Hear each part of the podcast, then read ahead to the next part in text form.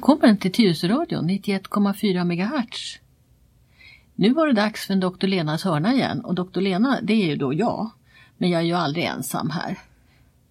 Mitt emot sitter Leif Bratt, Folkets röst. Ja, och det är så skönt att du är här. Och idag när vi spelar in det så är det en sån där riktigt ruggig vinterdag. Men när du lyssnar, då kanske våren har kommit, man vet aldrig. Nej. Och, och jag är, kommer låta lite snorig. För det tillhör väl den här väderleken. Ja, det gör det. Visst gör det det. Du, förra gången vi gjorde en hörna, då hade vi så mycket att prata om så att vi fick lov att säga att vi skulle göra en del två. Så det här är hud del två. Ja, Och nu har jag varit så vitsig så jag tänkte jag skulle döpa den till hår och sår. ja det är väl en ord, ord, ordvits. Ja, det Men, låter... men, ja, men det lå- låter inte som att det hör, hör ihop för det är sällan man får sår i håret. Ja, det förekommer nog en hel del problem i hårbotten. Ja, och, men sår. ja, det gör det. Ja. Vi pratar om att man solar för mycket. Man kan bränna flinten om man inte har någon keps på sig. Eller om man har sån här rik hårbeklädnad som jag. Ja, precis. Eh, och sen tillhör ju håret faktiskt huden. Ja, Det pratade vi om förra gången också. Naglarna och läppar och hår tillhör huden. ja Jaha, vad ska vi börja med då? Ska vi börja med håret? okej. Det är du som bestämmer. Ja, men det är du som är hårexperten. Hade inte du för förflutet i hårbranschen? Jag är inte hårexpert ur medicinsk synpunkt och även ur skönhetssynpunkt. Jo, jag har sysslat med frisörer i 20, ja, 20-25 år under min yrkesverksamma tid och också producerat hårvårdsmedel som vi kallar det. Så du är mera expert på frisörernas psyke eller så kanske? Nej, inte, men vad de fick uppleva hann jag ju uppleva. Ja. Och eh, eh, stundtals, jag ska inte säga överdriva om jag säger lida med, men visst hade de yrkesproblem som har att göra med hår och hud. Det kunde jag ju konstatera. Nu får du berätta lite mer. Ja, till exempel väldigt vanligt för frisörer var ju torra händer. Speciellt på vintern därför att eh, den som är bevandrad lite, jag tror man kallar det inom det, kemiska området eller det fysikaliska området, att luften har ju en relativ fuktighet och ju kallare det är ju mindre vatten kan luften hålla Mm. sig med. Där vi pratar då den relativa fuktigheten, eller absoluta fuktigheten också. Men i alla fall, eh, då när det kommer in i salongen, när de har någon slags ventilation, relativt torr vinterluft eftersom det är kallt ute då. Och så står de och schamponerar och eh, ja, avfettar sina händer som ska fungera lite grann som eh, skyddsspärr för den fukt man ska ha i huden. Så sögs det upp i den torra luften därför inne så var det ju kanske 20-22 grader inne i salongen. Och då letar ju luften efter var finns det vatten någonstans. Den sög ju upp mm som ett sugrör. Och då tog de det från frisörernas hus, hud och framförallt då händerna som var minst skyddade. Alla människor får ju lite torr hud på vintern men jag tycker nog att vi ska skänka en, en tanke till de lidande frisörerna faktiskt. För, för eh, har de dessutom lite anlag för att få eksem, ja då ska man nog inte bli frisör. Nej, eh, nu är det lite nu- nu- som inte har med hud att göra. Men också en sån här sak som är allergier som utvecklas eh, hos frisörer i och med att de sysslar med rätt mycket kemikalier. Så eh, i Östtyskland, det forna Östtyskland, då hade man det som en del av inträdesprov till frisörutbildningen att man genomgick en allergitest. De vanligaste kemikalierna, hade man en överkänslighet mot dem, ja eller nej? Och hade man det så fick man ingen frisörutbildning.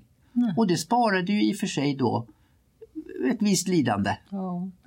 Jag vet inte om man bleker hår fortfarande med väteperoxid. Jo, det tror jag. Ja, och det är ju rätt så starkt faktiskt. Ja. Det har vi ju i den här äh, rosafärgade tvättmedels... äh, Man ska få man får inte säga sådana namn, varumärken. Men det finns en tv-reklam med en rosa eh, förpackning eh, som ja, fläckborttagare. Den aktiva substansen här är ju eh, väteperoxid. Men det är lite märkligt för man använder faktiskt väteperoxid när man ska göra rent sår ibland. Det visste du inte? Nej, men jag kan tänka måste vara rätt bakteriedödande ja, eller vad man kallar det för. Och man späder ju ordentligt, ja. det ska ju vara utspätt. Men mm. framförallt om man har eh, hållit på inne i bukhålan så kan det hända att man sköljer med lite väteperoxid, utspädd väteperoxid för att hålla rent innan man syr ihop allting. Ja. Mm. Och kolla att man inte har glömt bort något ja. verktyg ja. där inne. Men hår då? Vad hade, alltså vad har du för funderingar kring det här med hårproblem? Om vi tänker nu inte på frisörerna utan på vanliga människor. Jo, men det måste jag nog koppla till frisörer i alla fall. Eh, därför att speciellt då huvudhår eh, eh, så är ju det en eh, väldigt tydlig markör. Vi använder ju vårt hår för att signalera. Alltså en, en tag hade man modsfrisyr eller raggarfrisyr, alltså vilken grupp tillhör man? eh, tappa, som eh, ung man börjar bli flintis eller med sig stora vikar där uppe, eh, då är ju inte det kul. För det, alltså, lite hår är ju en gubbsymbol om man får säga. Och det, man vill ju inte se ut som gubbe eh, när man är 25. Mm. Så att vi, alltså, hår skapar problem och identitet. Eh, sen har du ju näst, kroppsbehåringen som skapar Eh, om jag nu får säga problem. Kvinnor tycker inte om hår på kroppen. Eh, män är rätt så likgiltiga och varför den här kulturen uppstått vet inte jag men vi män är ju det, i det hänseendet rätt eh, förskonade. Vi behöver inte hålla på raka ben och armar och andra ställen. Alltså det förväntas inte av oss. Nej, nej. Men många kvinnor, nu kanske jag är kille eller gubbe mm, då, mm jag vet inte om det är för starkt ord att säga, lider under kravet på alltså försköning. Jag måste som kvinna vara vacker och skön och då är inte kroppshår någon eh, eh, hit. Nej. Och det är nog många kvinnor också som lider därför att när de håller på att raka sig så är det lätt att man får lite sår och lite infektioner. Och speciellt under armhålorna där, där vi har då svettkörtlar och det ska vara lite fuktigt faktiskt. Det är ju liksom en av poängerna med armhålan och där vi också har mycket lymfkärl. Eh, och det är inte kul att få en böld i armhålan. Inte. Nej. Nej. Ja, jag vet, det måste du veta bättre mm. än jag men vi, vi sitter ju där vi sitter så att säga. Ja. Jag tror att en, en, en tjej, ung kvinna, kanske äldre också, som inte har rakat sig under armarna känner sig väldigt ofta kanske lite obekväm om, det, om någon får syn på det. Ja, och, och det har vi ju hört och sett folk som blir väldigt utsatta då via sociala medier till exempel.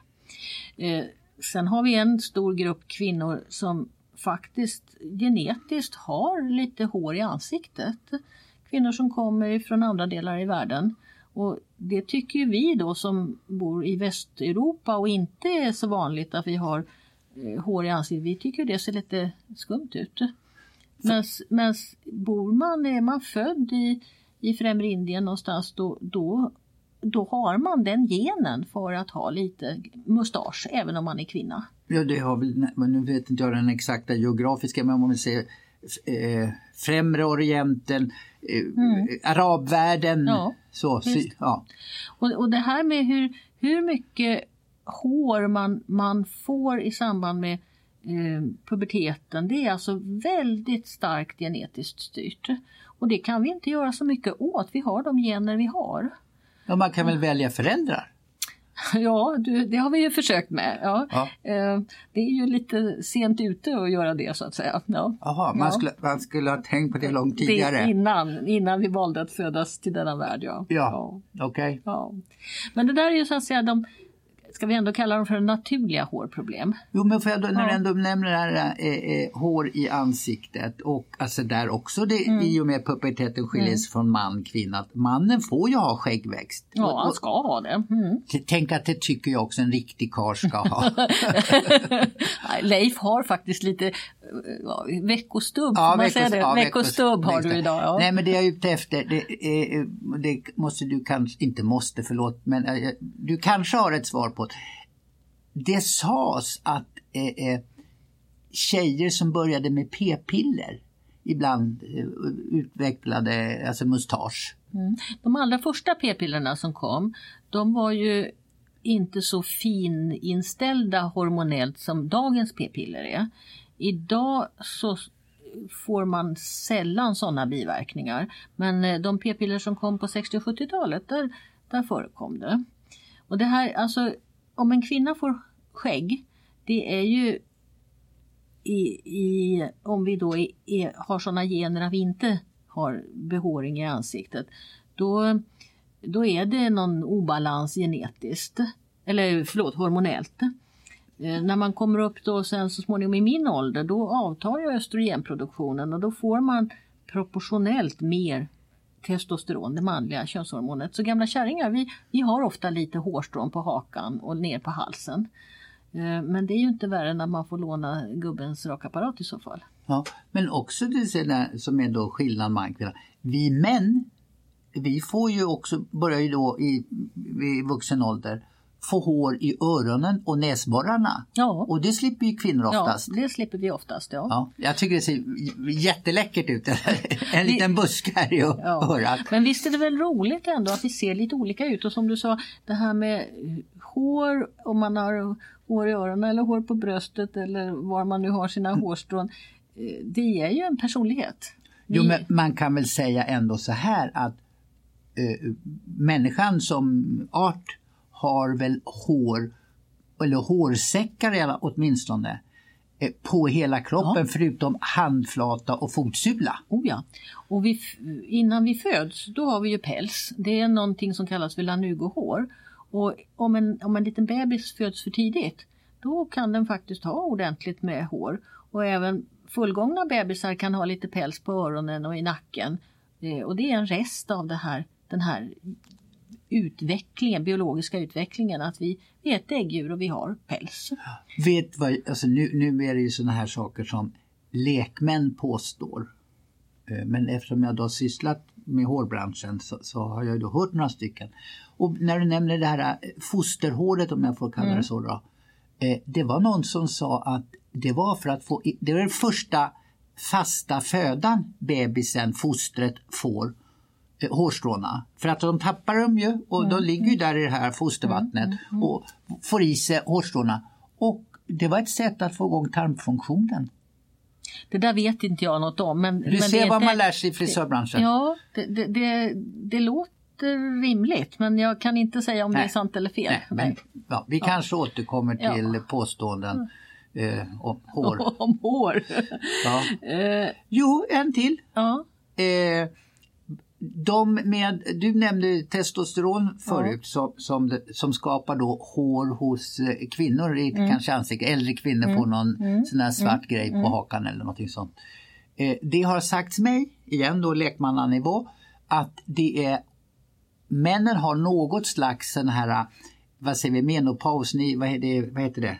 Eh, mm. Ja, klimakterium. klimakterium ja. Vi har också något slags, mm. sådär. det är väl därför håren i örat kommer och näsborren. Mm. Att har man en proportionellt förhöjd halt utav eh, testosteron då är de här hårstrå, hårsäckarna uppe på skallen mer känsliga än de som är på sidan, alltså ovanför örat. Och, så. och det är därför man blir mest skallig här uppe.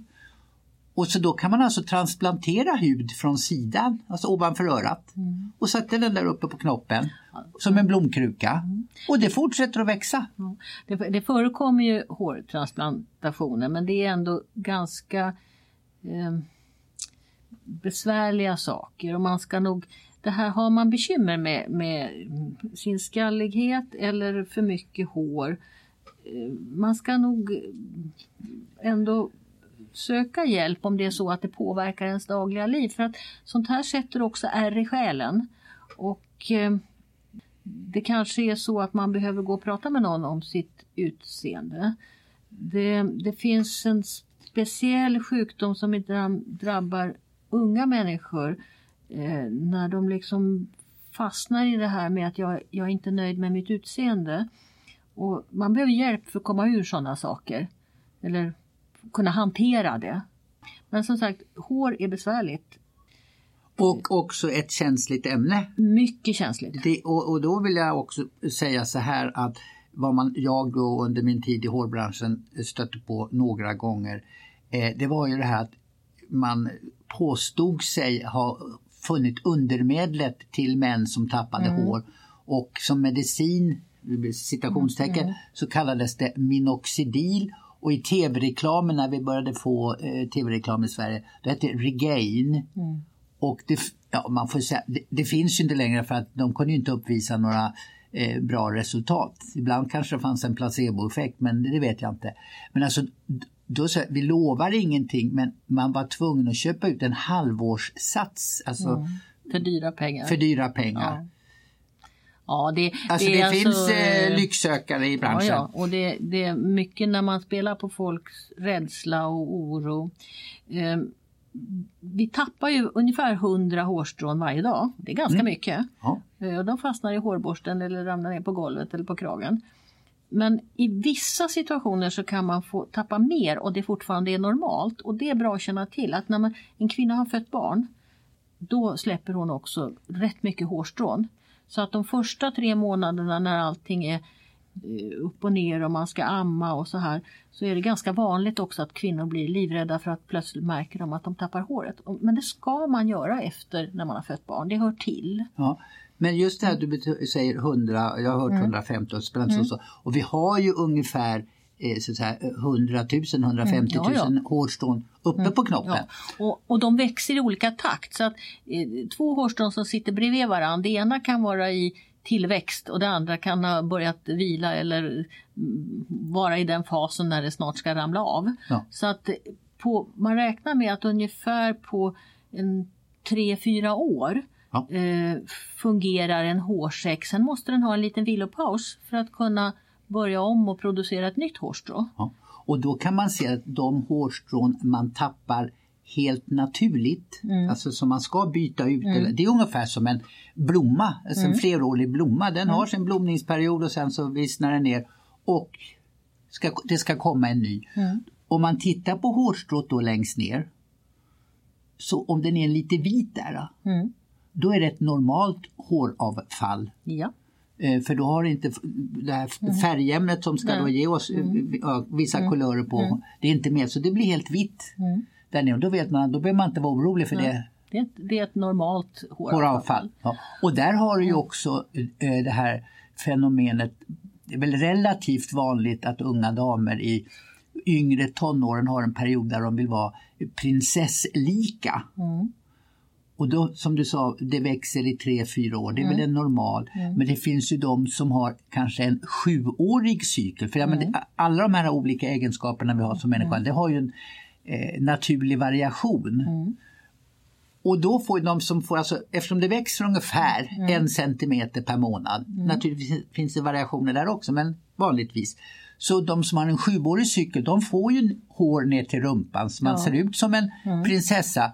Och en del har två, tre, två treårig cykel och då blir ju inte längre ner till axeln. Nej. Och då, man kan aldrig bli prinsessa i Nej. hårhänseende. Nej, därför att håret är, är liksom färdigvuxet innan Ja. det har hunnit ner till rumpan. Ja, ja, och stöts ut. Ja. Sen finns det ju då ytterligare det där med att föda barn men också om man har haft en ordentlig infektion, en riktigt svår infektion. Då kan också kroppen svara med att, att släppa hår. Och det är heller inte något farligt utan det, har man haft en infektion så kan man räkna med att man får ett håravfall. Men sen finns det ju vissa sjukdomar där man också tappar håret. Och det är, finns också då ärftlighet i de sjukdomarna. Det är det här fläckvisa håravfallet. Var, när, när kan man få en peruk? Ja, om man har fått cancerbehandling och tappat håret på den anledningen, då är man berättigad till peruk. Eh, och då beror det på lite grann om håret förväntas växa ut eller inte. Eh, efter en cancerbehandling så, så växer håret ut igen men det kanske får en annan färg och det kanske får en annan struktur. Det är lite märkligt men så kan det vara. Sånt här får man besked om när, i samband med en cancerbehandling. Man brukar rekommendera patienter som ska få eh, cytostatika, alltså cellgifter, att klippa sig först. För det är lättare att eh, tappa lite hår än att tappa allt. Eh, det, det känns som om det är mindre om det är kortklippt. Ehm, om man drabbas av någon annan sjukdom som gör att håret faller av och, Och då ska man ju alltså via eh, sin husläkare kunna få peruk. Och en del kvinnor tycker att, eller män tycker att det kan vara skönt med en peruk och andra tycker att det är bara varmt och skaver. Och då kan man ha en mössa istället. Mm. Men när du säger det här med olika struktur. Mm. Det är ju verkligen genetiskt därför mm. vi har ju då vad vi säger då negroida, alltså Mm. Mm. eh, mörka personer, Ja. alltså krull, krull Ja. pu- pudel Oh ja, visst. Och sen har du asiaten som har relativt rakt och grovt hår och oftast rätt så av god kvalitet i bemärkelsen att det, det blänker väldigt Mm. fint om dem. Och en del vitnar håret tidigt på. Mm. Och det är också ärftligt. Ja. Och hos andra så kanske det inte vitnar alls. Så man undrar om de håller i färgat eh, konstgjord väg. Så här är det är väldigt, väldigt individuellt. Och det hör till ens person vad man har för sorts hår. Ja. Ska vi lämna håren nu? Ja, om vi inte kommer på någonting. eh, vi, vi lämnar håren. Ja. Då det andra idag, det skulle handla om sår. Och det är också ett stort område. Var, var vill du börja någonstans? Alltså det kanske är en väldigt konstig brygga men jag skulle vilja börja med alltså, sår i, i huden då naturligtvis. eh, Förmodar jag att du, ja det är väl Mm. ja. där man har Ja. såren. Det här man kan ha sår i hjärtat också? Ja, man kan ha hjärtesår och man kan ha magsår Ja. och sånt där också. Ja. Mm. Men vi tar hudsår. Nej, jag tänkte så här som också hade då lite med eh, frisörerfarenheten att göra. Vi har ju eh, en enorm massa, alltså jag tänkte för att undvika sår och, eller mm, ja, sådana här saker. Sår kan man ju få av olyckor men alltså man kan ju kanske ha en starkare hud då, tänker jag. Jo, alltså att vi har en massa, massa, massa mikroorganismer helt naturligt på vår hud Mm som ska vara till den här personen som jag fick lära mig det av eh, på, som i alla fall påstod att det var på det sättet. Så får du med din kunskap eh, verifierat eller eh, dementera. I alla fall att det fungerar. Han använde begreppet syrekåpa. Alltså de här, de skapade, om ni säger något, något surt ämne eller någonting eftersom man kallar det syrekåpa, som någon slags skydd Ja. på huden. Ja, ja vi, ska, vi lever ju i en värld av, av mikrober och och eh, på huden har vi massor. Men det som är bra är att vi liksom är vänner med våra egna bakterier så att vi sällan blir vi sjuka av våra egna hudbakterier.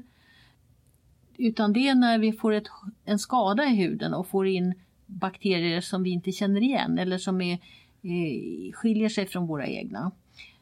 Man kan ju då förstärka sitt skydd eh, genom att ha tvålar som är, är lite syrliga. Finns- Lite sura, eller ja, formen. Ja. Sura, sura tvålar. Lågt pH-värde på dem. Ja, många tvålar har ju, är ju tvärtom, de Ja. är ju basiska. Men det finns tvålar för känslig hud. Det kan man fråga på apoteket. Barntvålar överlag? Ja, eller? ja. Och sen så eh, tycker jag det här med om man nu är man och rakar sig och får lätt infektioner. Det finns något som heter skäggsvamp till exempel. Det är också sånt man kan själv eh, få hjälp via apoteket med lämpligt hårschampo för det. Ett, ett medel som eh, är receptfritt. Och att man använder rakvatten med lite sprit i som eh, dödar eventuella bakterier då i samband med rakningen. För det är klart att rakning är ett, ett moment när man lätt skadar sin hud.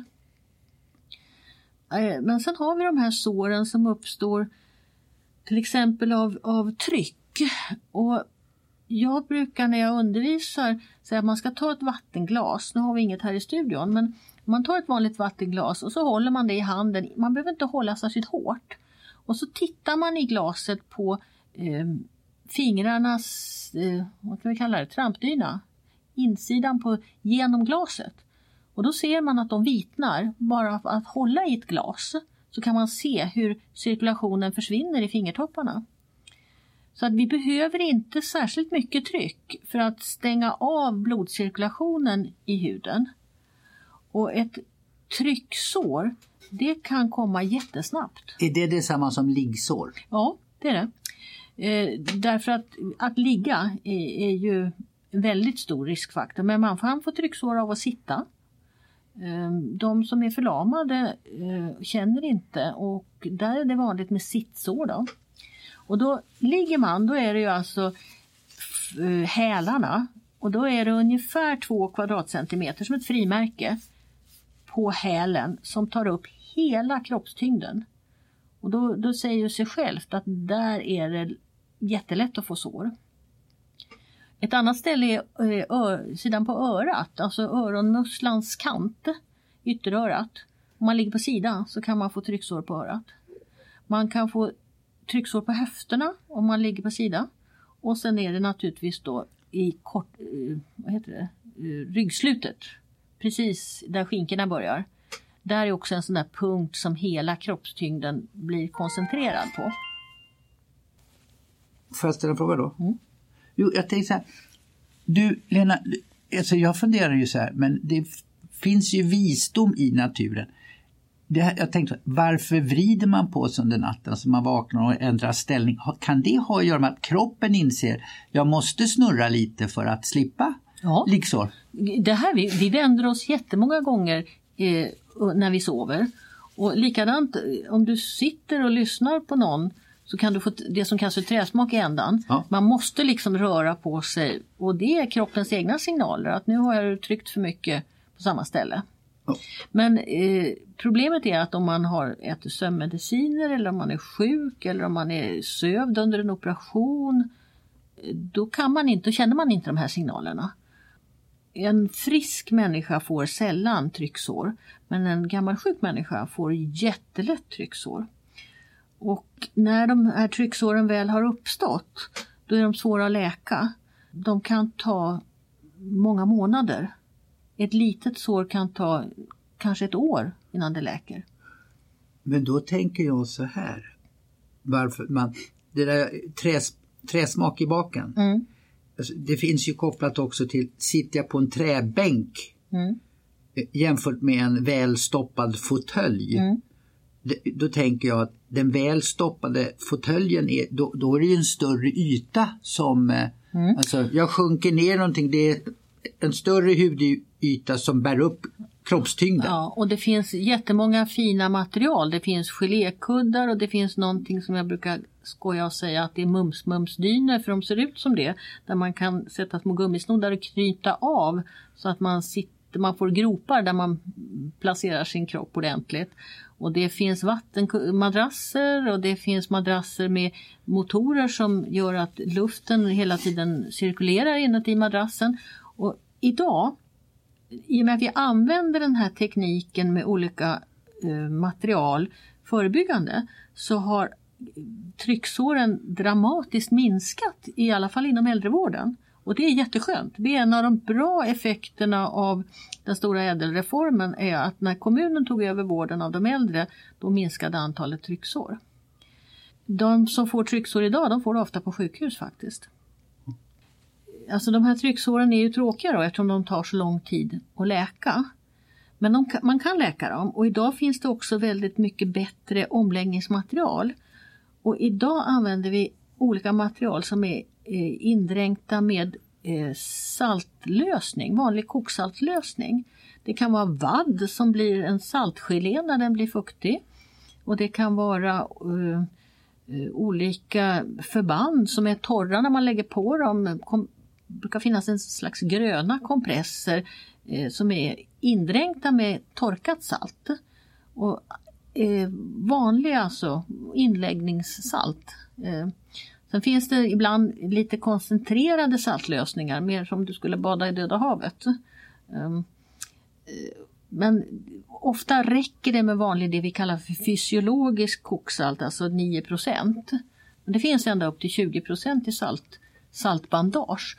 Och, och, med de här så får man alltså trycksåren att läka mycket bättre. Mm. Skulle du säga, nu har vi ett radioprogram och det, man kanske inte hinner anteckna allt vi säger och sådana här saker.